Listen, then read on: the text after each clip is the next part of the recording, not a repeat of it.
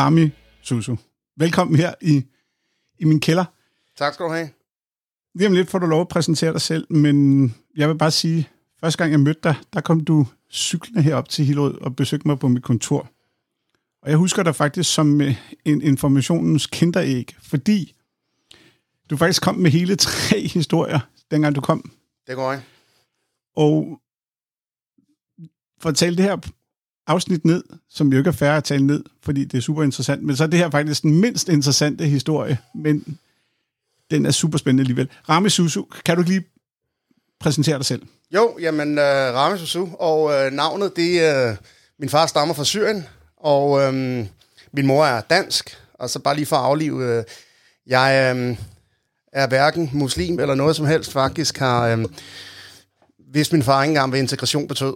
Øhm, det vidste jeg egentlig heller ikke, før jeg startede på universitetet, og blev faktisk også blev færdig med universitetet. Fordi lige pludselig så synes alle folk, at jeg skulle arbejde med integration, når man kom fra Syrien, på trods af, det har jeg egentlig aldrig beskæftiget mig med. Så jeg har siddet i en integrationsafdeling på Frederiksberg Kommune og snakket om integration, som jeg egentlig ikke vidste noget om, men det hjalp bare at sige, at ens far var fra Syrien, så var man ekspert. Så har jeg været folketingskandidat for de konservative. Jeg var rigtig interesseret i økonomisk politik, men lige pludselig så var jeg integrationsekspert. Øhm, så tog vi den med. Så er jeg ansat i det daværende integrationsministerium. Jeg vidste jo alt muligt om integration. Og øh, så har jeg været chef for en boligsocial helhedsplan. Øhm, så man kan sige, at jeg har arbejdet med integration i rigtig mange år, på trods af, at det egentlig ikke rigtig interesserede mig. Og det er den eneste kilde, som jeg havde til integration, det var min far var fra Syrien.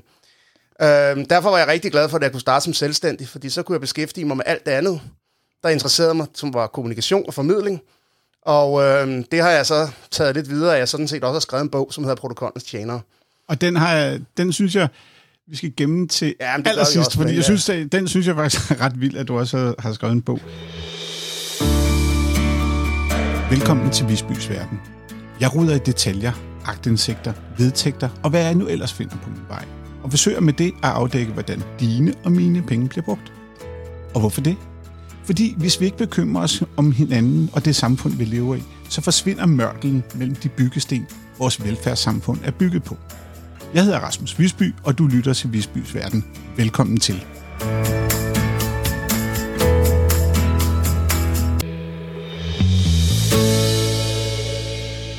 Men Rami, den dag du var på besøg mig, ja. der kom vi til at snakke om almen boligselskaber. Ja da du fortæller, du, hvad var det, du kaldte titlen? Integrations- og... Du sagde, du havde været ansat som integrations... Jamen, jeg har siddet i det daværende integrationsministerium. Jamen, jeg tænker på der... I, Nå, så har jeg været chef for en boligsocial helhedsplan. Ja. Og det er jo sådan nogle helhedsplaner, som boligselskaberne sammen med Landsbyggefonden iværksætter i de her almene boligområder. Ja. Yes. Men Hvem var det, du var ansat hos det? Det er bare det, det jeg lige fisker efter. Jamen altså, det var fire boligselskaber, der var ligesom var gået sammen. Altså, jeg var administrativt ansat i et boligselskab, men det var ligesom fire boligselskaber, forskellige boligselskaber, der var gået sammen om at have en samlet helhedsplan. Godt. Yes, fordi nu kommer ligesom krogen til, hvorfor at jeg synes, vi skulle snakke nu. Det er fordi, ja. jeg har jo afdækket nogle forhold op i Frederikshavns boligforening. Ja. Og jeg har før interesseret mig for almindelige boligselskaber. Ja. Og dem er der cirka en million danskere, der bor i. Ja. Og den her million danskere, de har så, det er så almindelige, almindelige boligselskaber, og de bliver jo så administreret af nogle selskaber, som sørger for, at der bliver krasset noget husleje ind, mm. der bliver fejret nogle fortov, og der bliver øh, skiftet nogle skruer og ting og sager. Men derudover, så er det som om, at de her boligselskaber, som jo for eksempel er Lejerbo, KAB og andre, de har det med at sprede sig ud og lave andre forretningsområder, mm. som måske ikke har noget med deres, det jeg vil kalde core business, ja. at gøre. Er det ikke korrekt, at, at det her integration var en del af de her boligselskaber, som jeg lige har beskrevet? Det var en utrolig, altså det var en stor del af mit arbejde at beskæftige mig med integration. Og første gang, jeg ligesom støder på det, det er faktisk, det var ikke engang, da jeg blev ansat af de her boligselskaber. Det var faktisk, da jeg arbejdede i det daværende integrationsministerium. Og det var et tilfælde, jeg støder ind i dem. Min opgave som konsulent i Integrationsministeriet, det var at gå ud og kigge på forebyggelsesprojekter. Hvad der foregik rundt i de her boligområder, almene boligområder. Et af dem var for eksempel Voldsmose. Og der, hvor jeg første gang får et chok, det er, at jeg tager til Voldsmose. Vi arbejder med forebyggelse, blandt andet forebyggelse af radikalisering, forebyggelse af bandekriminalitet. Og vi har en række projekter, som ministeriet finansierer. Vi har en række projekter, hvor vi samarbejder med Odense Kommune. Så kommer man til Voldsmose, og øh, besøger alle de her projekter. Lige pludselig, som jeg ikke aner noget som helst om, så støder jeg ind i boligsociale medarbejdere. Så siger jeg, hvad, hvad laver I her? Jamen, vi er ved at lave fodboldhold for, øhm, for flygtningen eller for unge med anden etnisk herkomst. Jamen, hallo, det gør vi da også. Så øh, render man rundt derude, så render vi rundt og laver fodboldhold. Men vi, vi arbejder ikke sammen.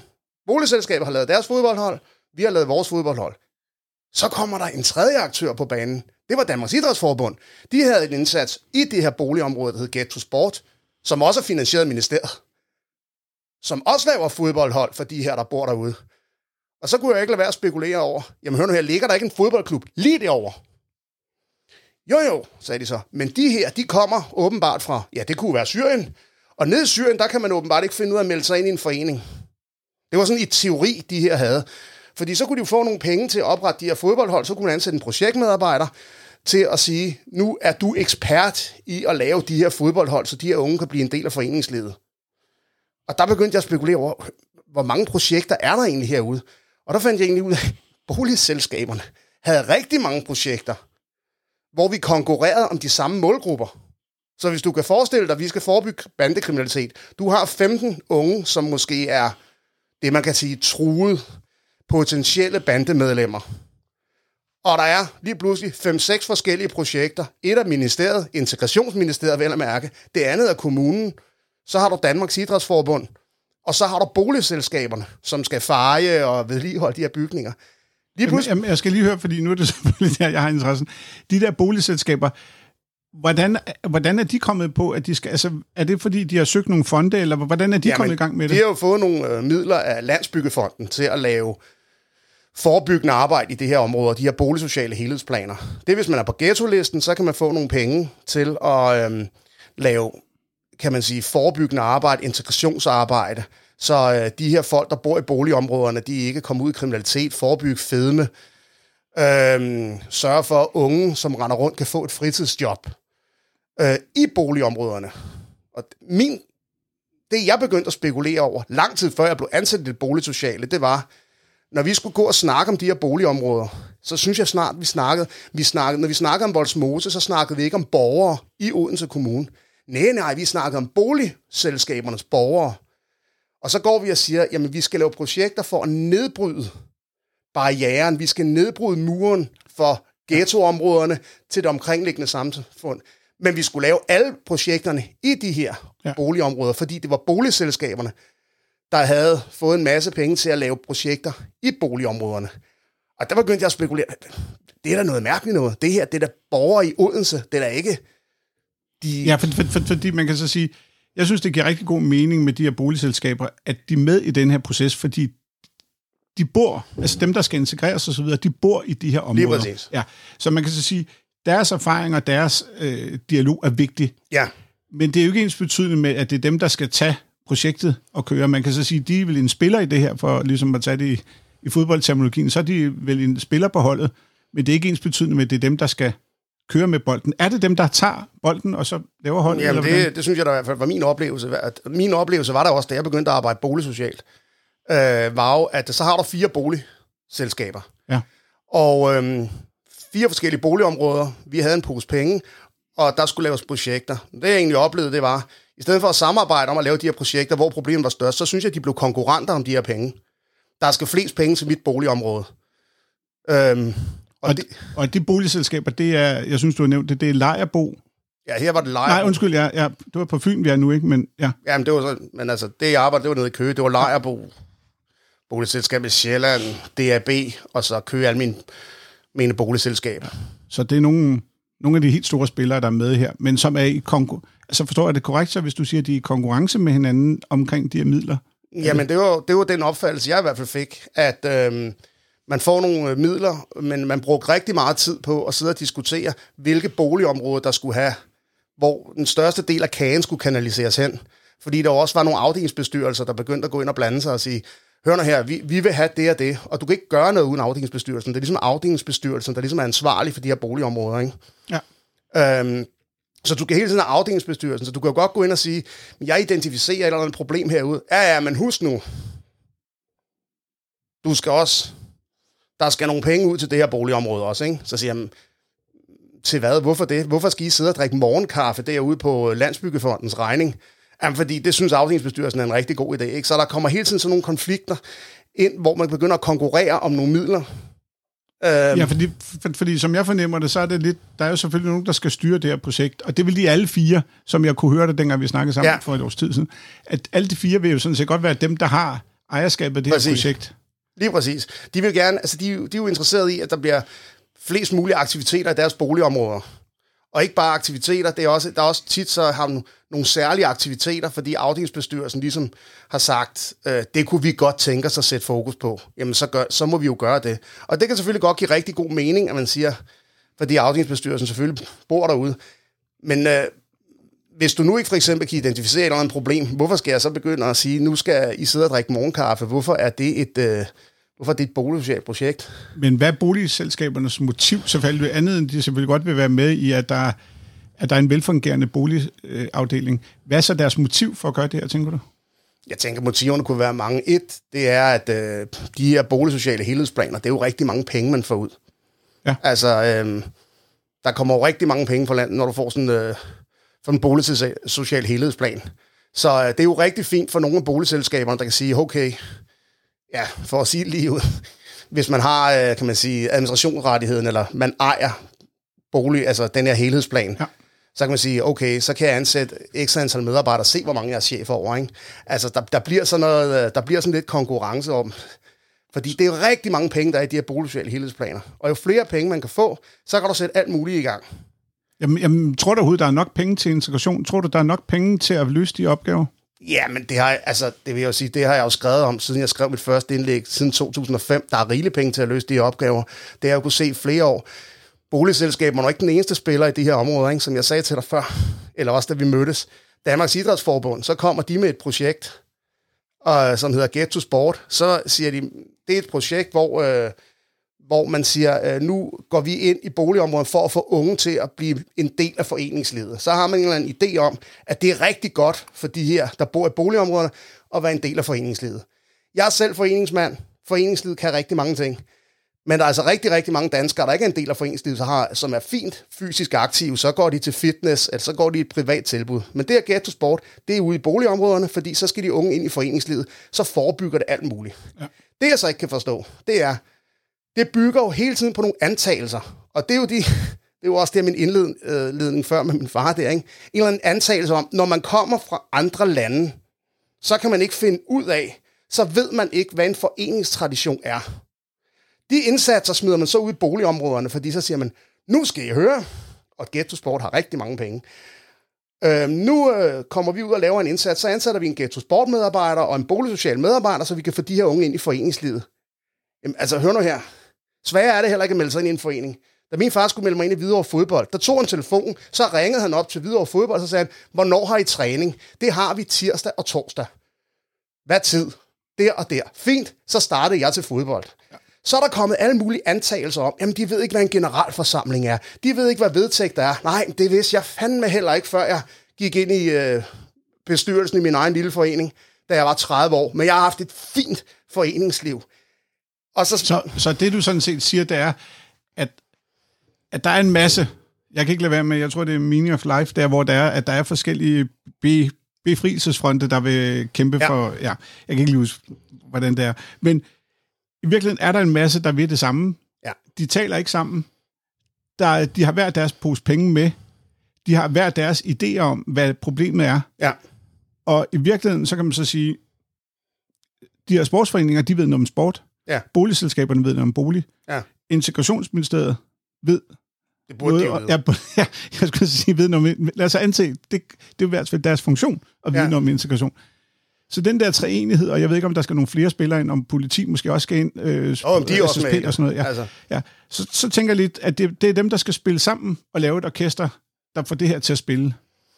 Men er det det, der sker? Jamen, øh, jamen, de taler der sammen. Jeg har da også siddet i masser af koordinationsforer og alt muligt. Ikke? Men altså, det jeg bare ikke kan forstå, hvorfor skal alle de her projekter øh, hele tiden opstå ved siden af hinanden? Jeg har siddet med til masser af møder, også ikke kun der arbejder boligsocialt, hvor jeg har siddet og lavet projektplaner, hvor jeg bare har skrevet noget om integration. Så genererer det en pose penge. for en kommune, eller en fond, eller et ministerium. Ja. Og øh, i det rum, jamen der taler vi der sammen. Det, der bare er interessant, det er, alle laver det samme projekt. Nu sagde jeg det der med de her øh, kriminalitetstruede unge før. Ja. Og det er fordi, jeg har jo siddet og været med til at søge penge til forebyggelse af bandekriminalitet. Samtidig havde SSP fået en pose penge til forebyggelse af bandekriminalitet. Samtidig så lå der et helt tredje kommunalt projekt til forebyggelse af bandekriminalitet.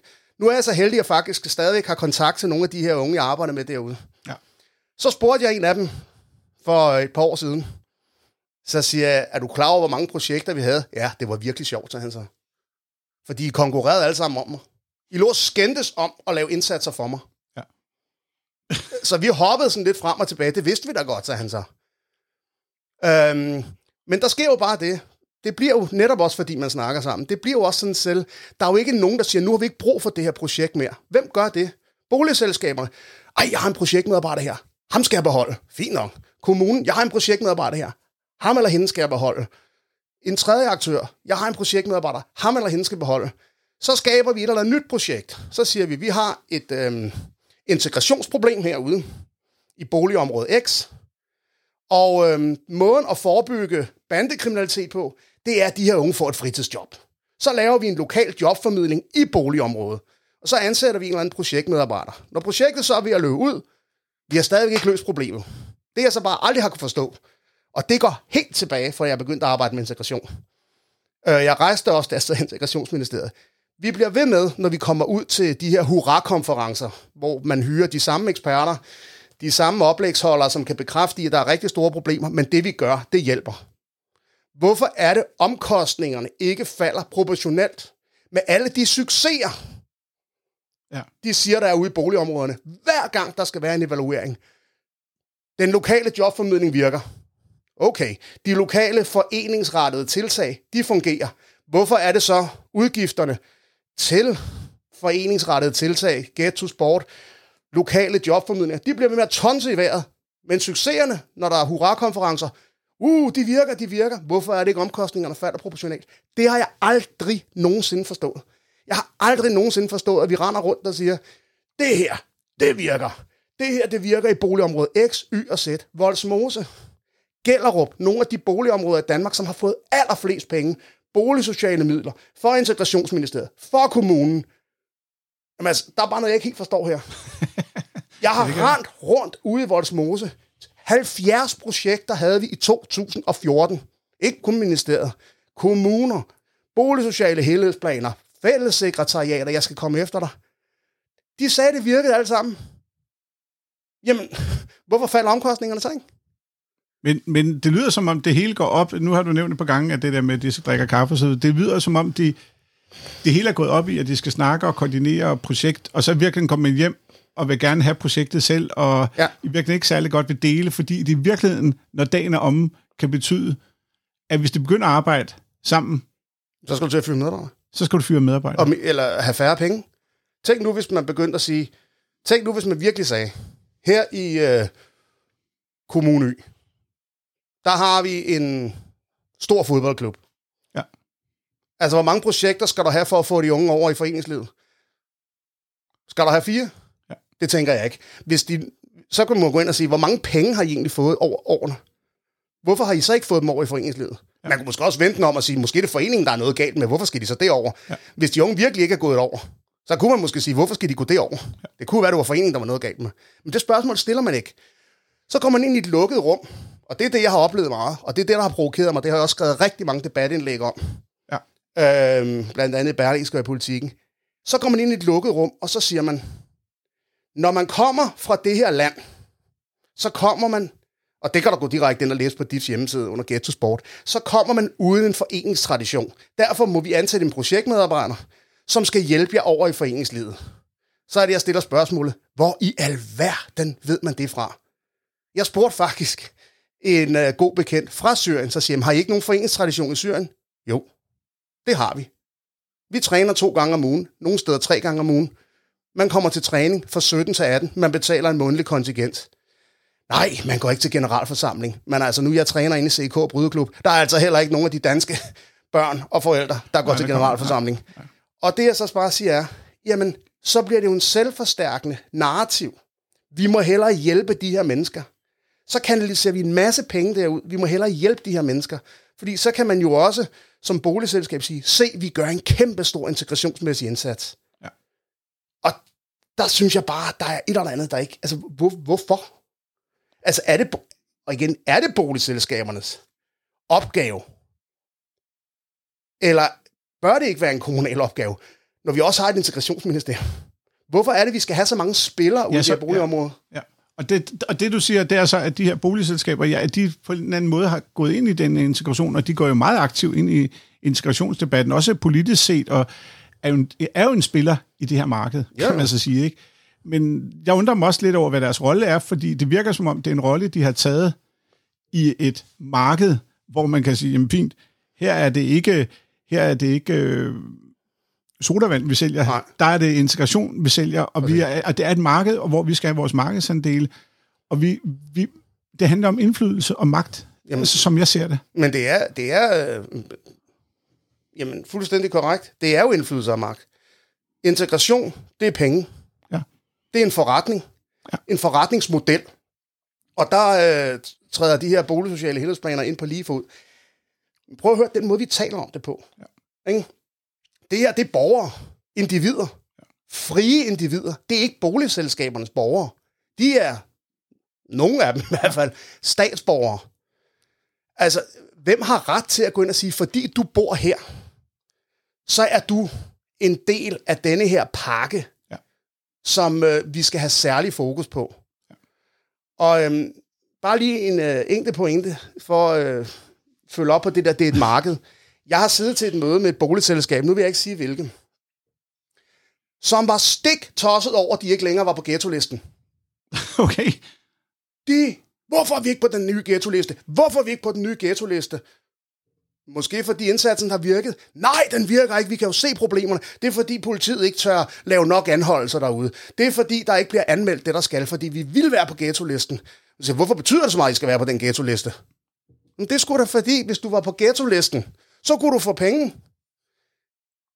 Så det, du fortæller mig sådan set, det er, at du mener, at det er en god forretning at være på ghetto Det er da en rigtig god forretning.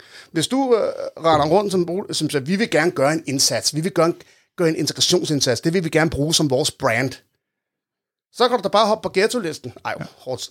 Ja, ja, men altså, men jeg kan, se, jeg, jeg kan godt se det for dig, fordi man kan så sige, selve det at have et boligselskab og en visevært ansat, og selvfølgelig noget med grønne byggerier og miljø og sådan noget, det er jo selvfølgelig også en god historie, men, men det er jo noget, der skaber overskrifter, fordi integration er jo en af vores allerstørste. Ja, Altså, det er jo det, der er inden for politik, det er det, der er inden for valg. præcis. Og det vil sige, det er super interessant at komme med ind i den her, og ved at være med inde på den her debat, kommer man ind på de bonede gulve i den her Ja. debat, altså som jeg ser det udefra, fordi jeg kan godt se, at der er en masse integration, men i virkeligheden kan jeg også godt se, at boligselskabers interesse er selvfølgelig at have en velfungerende ejendom. Hvem vil ikke have det? Ja, selvfølgelig. Som med færrest mulige klager, færrest mulige herværk og sådan noget. Så de har en incitament, men det gør dem ikke nødvendigvis til dem, der skal løse integrationen. Jeg ved ikke, om du kan huske, at der var det der ballade på Motallervej nede i Korsør. Nej, Øh, nej. jamen, der var noget skyderi her for et par år siden. Ja. Og øhm, ministeren var dernede og alt muligt. Åh, oh, ja, ja, ja. Ja, der var ikke en, der stillede spørgsmålet. Hvor mange penge har vi ikke brugt på boligsocialt og integrationsarbejde dernede? Hvorfor er det så, der er det skyderi? Ja. Et, hvor er det spørgsmål? Hvem stiller det spørgsmål? Nej, nej, der kom de der sædvanlige, for de der eksperter, som er gode til at påpege problemer, men de kommer aldrig med løsninger. Det er fordi integrationen ikke fungerer. Wow!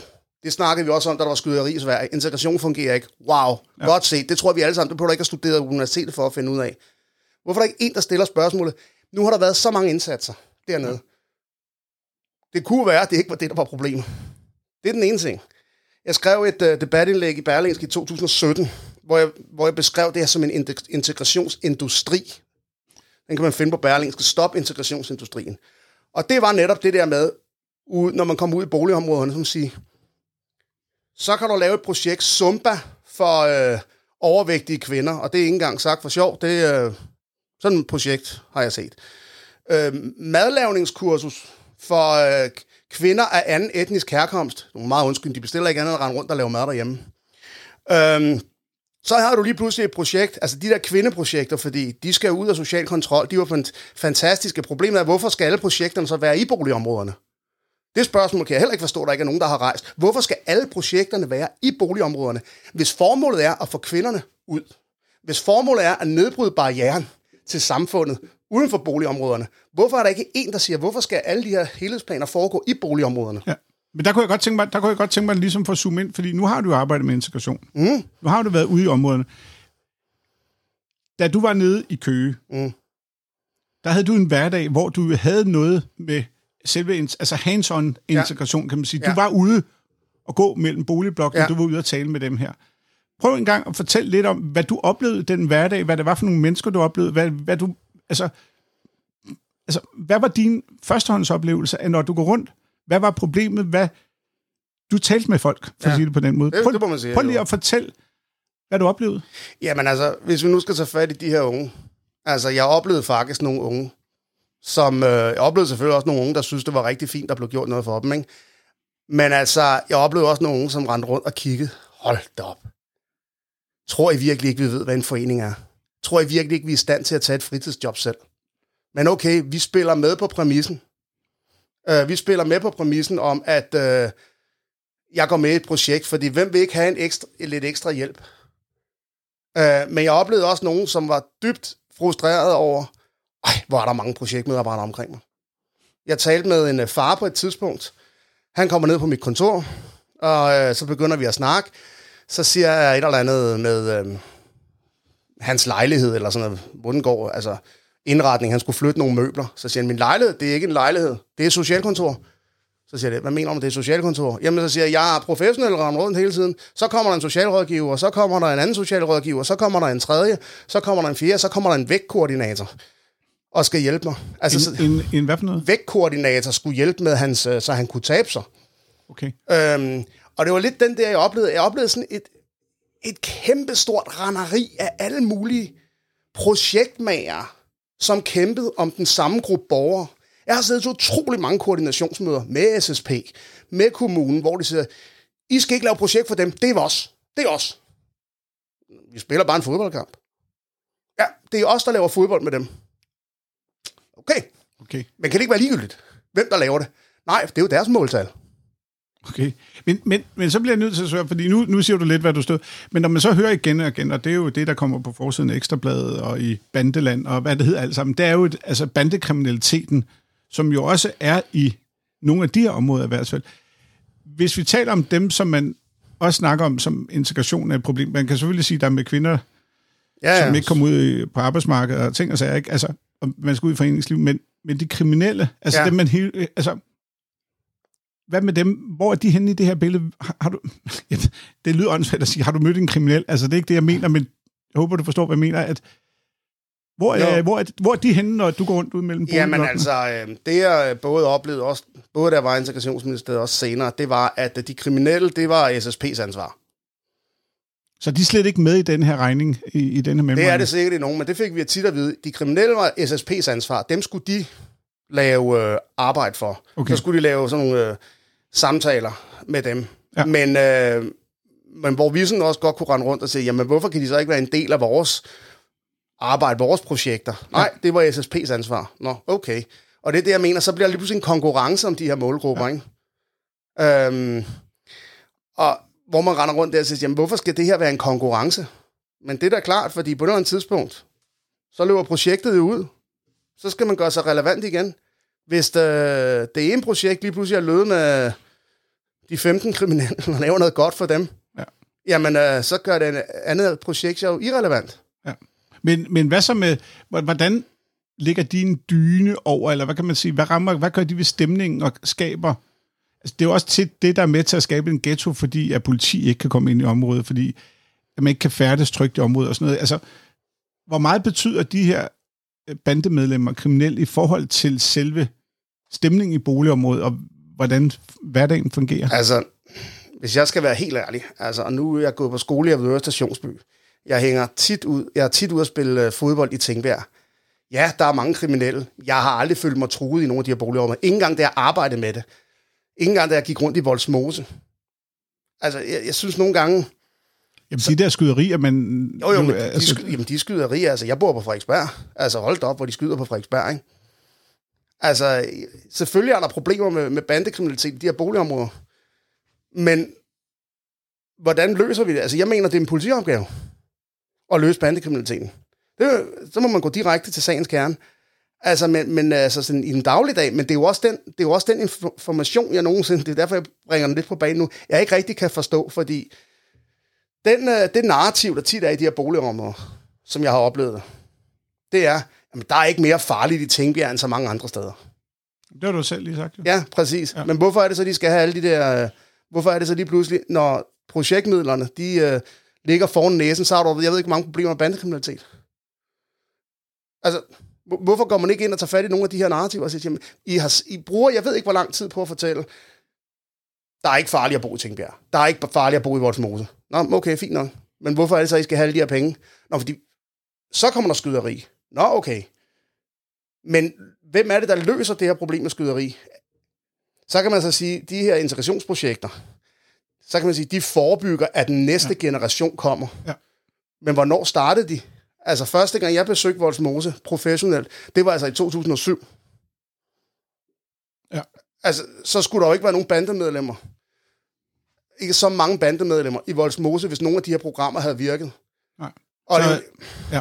Så der har hele tiden været de her forebyggelser, der har hele tiden været det, og, og det er jo klart, at, at når man hører i pressen og, og på forsiden af Ekstrabladet og ting og sager, så er det jo en essens af, af det, der sker. Ja. Altså, det er jo ligesom de mest voldsomme historier, at der foregår, men, men og igen, så fortæller du mig, at i virkeligheden er der masser af penge, men når der sker de der voldsomme historier, så reagerer politikerne hælde mere, flere penge, penge ned ja. i kassen. Øh, men det gør så bare, at de feeder endnu flere projektmedarbejdere, og så kan jeg ikke lade være med at tænke på, jeg ved ikke, om du har læst den bog, som jeg jo har nævnt mange gange, pseudoarbejde, altså Jo. hvor man ligesom går ud og siger, "Men fint, vi skal det her op og køre, og, og det ligesom går i selvsving. Selvfølgelig. Ja. Altså, det er, jo, det er jo også det, jeg siger. Altså, noget jeg egentlig ikke kan forstå. Øhm, jeg, var i, øh, jeg var i Holland i en periode. Der var jeg ude at besøge et af deres rigtig øh, hårde, tidligere hårde, udsatte boligområder, Build My Mare hedder det. Øhm, der har man gjort noget helt andet. Der har man ikke kastet penge efter øh, boligselskaberne. De har en lidt anden struktur, men lad, det kan godt sammenlignes. Der har man ikke lavet alle mulige projekter i boligområderne for dem, der bor der. Nej, der har man faktisk gjort det interessant for dem, der kommer ud fra boligområderne og rykker ind i boligområderne. Startups har man givet særlige øh, gunstige vilkår, så de kan komme ind. Man har givet øh, særlige øh, privilegier, altså, øh, nogle økonomiske øh, muligheder for folk, som vil flytte til Bilmermere Ja. for at bo. Øh, det kunne være studerende, det kan også være øh, jamen, almindelige familier. Så har man ja. gjort det et, interessant for dem her at rykke ind i boligområderne. Men netop det der med at hjælpe små startups derude, som kommer ud fra boligområderne, ind i boligområderne, så man netop får nedbrudt ja. barrieren. Man har ligesom skabt en positiv gentrificering. Ja. Jamen, det kan jeg godt se, fordi for eksempel, hvis man nu sagde til en startup, du kan få gratis lokaler her, øh, ja. Så kan man så sige, så, ja, det er meget interessant. Så vil der lige pludselig komme en café måske. Ja. Og det er jo det, der er sket i Bilmermere. Hvis man tager sig ud i Bilmermere, øh, for eksempel hvis man skal ud og se Ajax Amsterdam, så kan man stå af på sådan en dejlig plads, hvor der ligger, jeg ved, de vildeste, trendy hipster-caféer, og hvad ved jeg, lige ved Bilmermere. Ja. Altså, nu ved jeg godt, at Mølnerparken ligger på Nørrebro, så lad os lige tage dem. Hvor mange caféer ligger der i Voldsmose? At der ligger altså en, øh, en Dødum øh, Bix, og jeg holder utrolig meget af Dødum, men altså, det er jo ikke sådan en, der får folk til at strømme der til, vel? Kunne det ikke være fedt, hvis øh, man på en eller anden måde kunne motivere Majers til at åbne en eller anden, øh, når Noma skal lave en eller anden øh, øh, pop-up burger ting, så laver han det i de her boligområder. Det kunne man jo gøre, hvis man på en eller anden måde skabte nogle gunstige vilkår, og hvis man ligesom skabte et miljø, hvor man understøttede iværksætteri. Og når jeg siger iværksætteri, så skal det ikke være, undskyld, jeg siger det, en eller anden lille lokal øh, socialøkonomisk virksomhed. Det er også rigtig godt. Men det skal altså også være dem, der for alvor flytter noget. For alvor får trukket folk ind i boligområderne.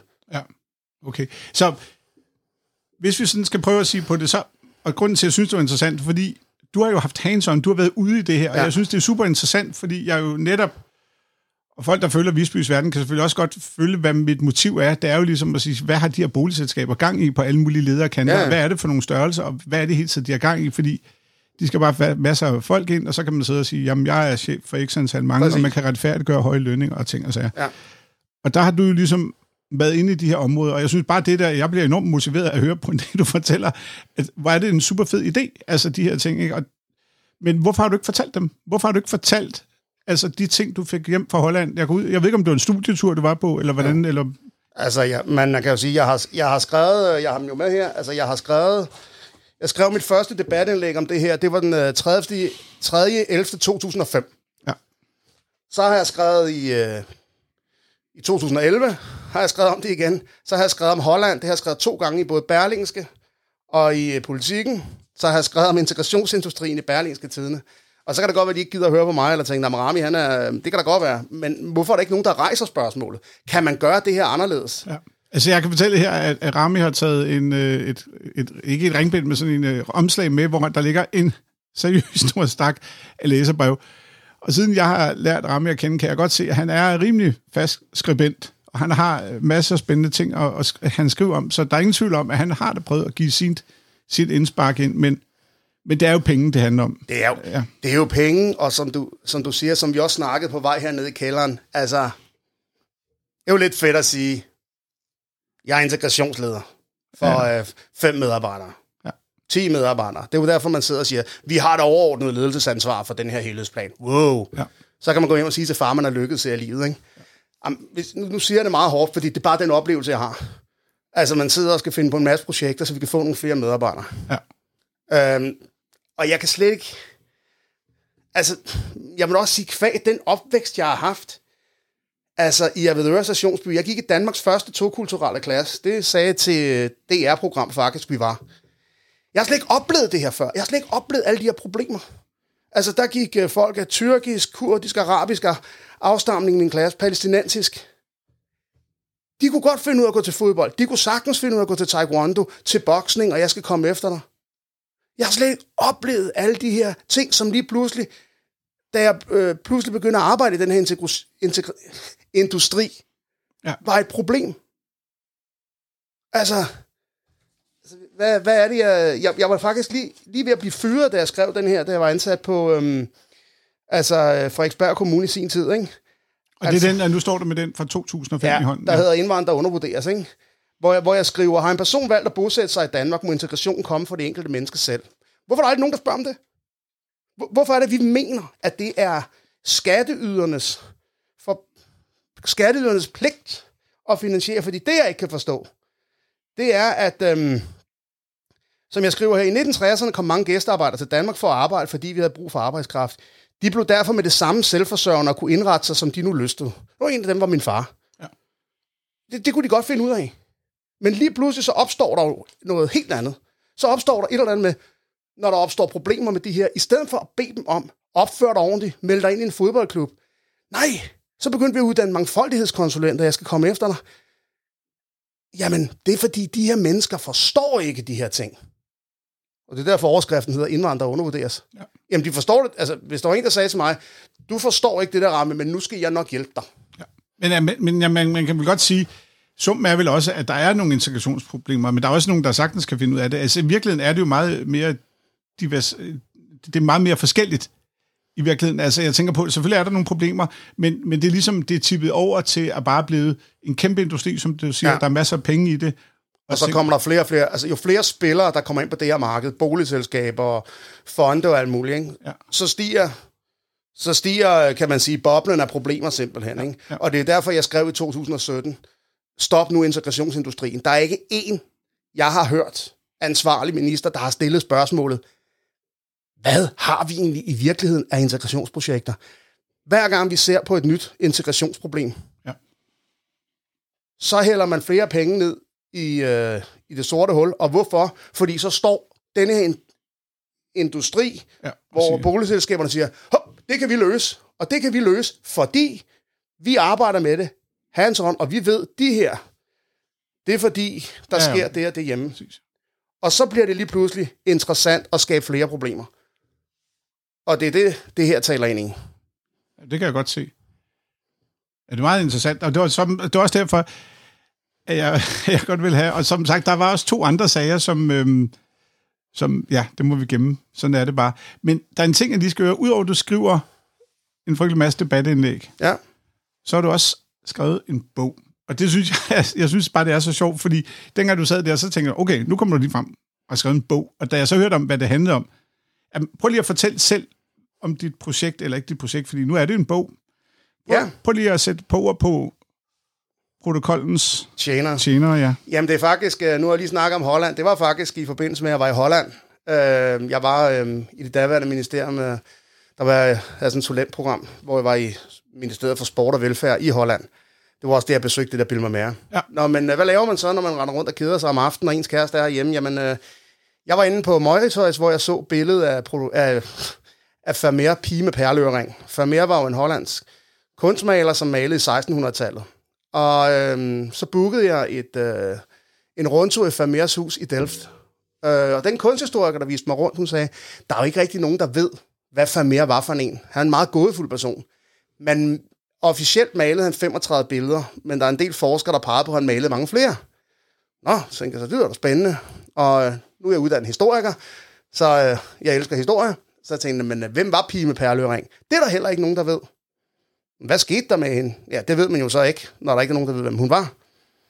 Og så tænkte jeg, okay, så jeg har skrevet en bog, som handler om øh, Vermeer, og hvad hans forhold var til pige med perleøring, og hvad hendes skæbne blev. Og den øh, skæbne, den øh, øh, trækker så spor gennem Europas historie, øh, osmanernes belejring af Wien, konflikten i Nordjylland, og den slutter så i samtiden. Og det er jo fordi, at øh, det var jo statholderen af Nederlandene, William af Orange, der øh, sejlede over til øh, Nordjylland, det er 1600-tallet, og gav øh, den katolske Jakob en på frakken, hvorfor protestanterne hver år render rundt og marcherer i Nordjylland, som ligesom startede konflikten. Ja, ja. øhm, og den trækker jeg så op til i dag. Øhm, et, fordi jeg synes, det var en spændende historie.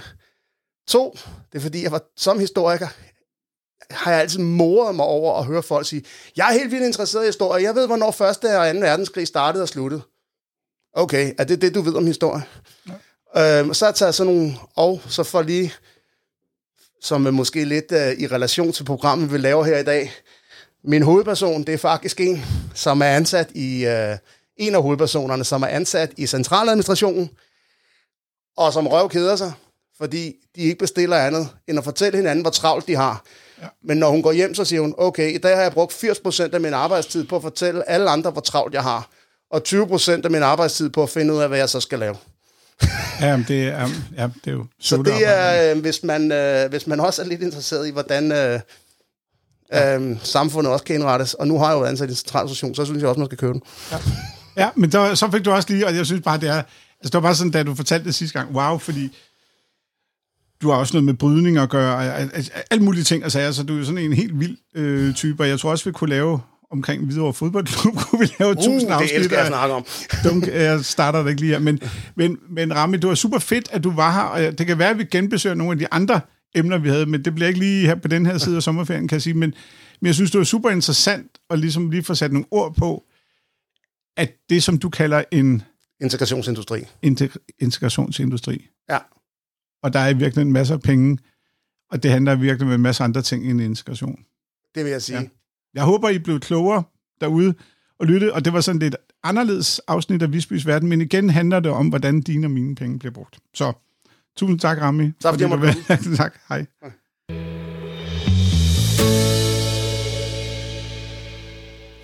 Ja, og tak til Rami Susu for at kigge forbi hernede i min kælder. Det var alt, hvad der var for den her gang i Visbys Verden. Du kan som altid skrive til mig på podcast Du kan også finde mig på Facebook, eller Visbys Verden på Facebook, og der søger du bare på Visbys Verden. Og ligesom visbysverden.dk kan du også se det. Og lige om lidt, så hedder det magtindsigt.dk. Prøv lige at besøge det site for. Og kunne du lide, hvad du hørte, så anmeld gerne på Apple Podcast eller andre steder, og fang mig på Twitter på R. Visby. Tak for denne gang.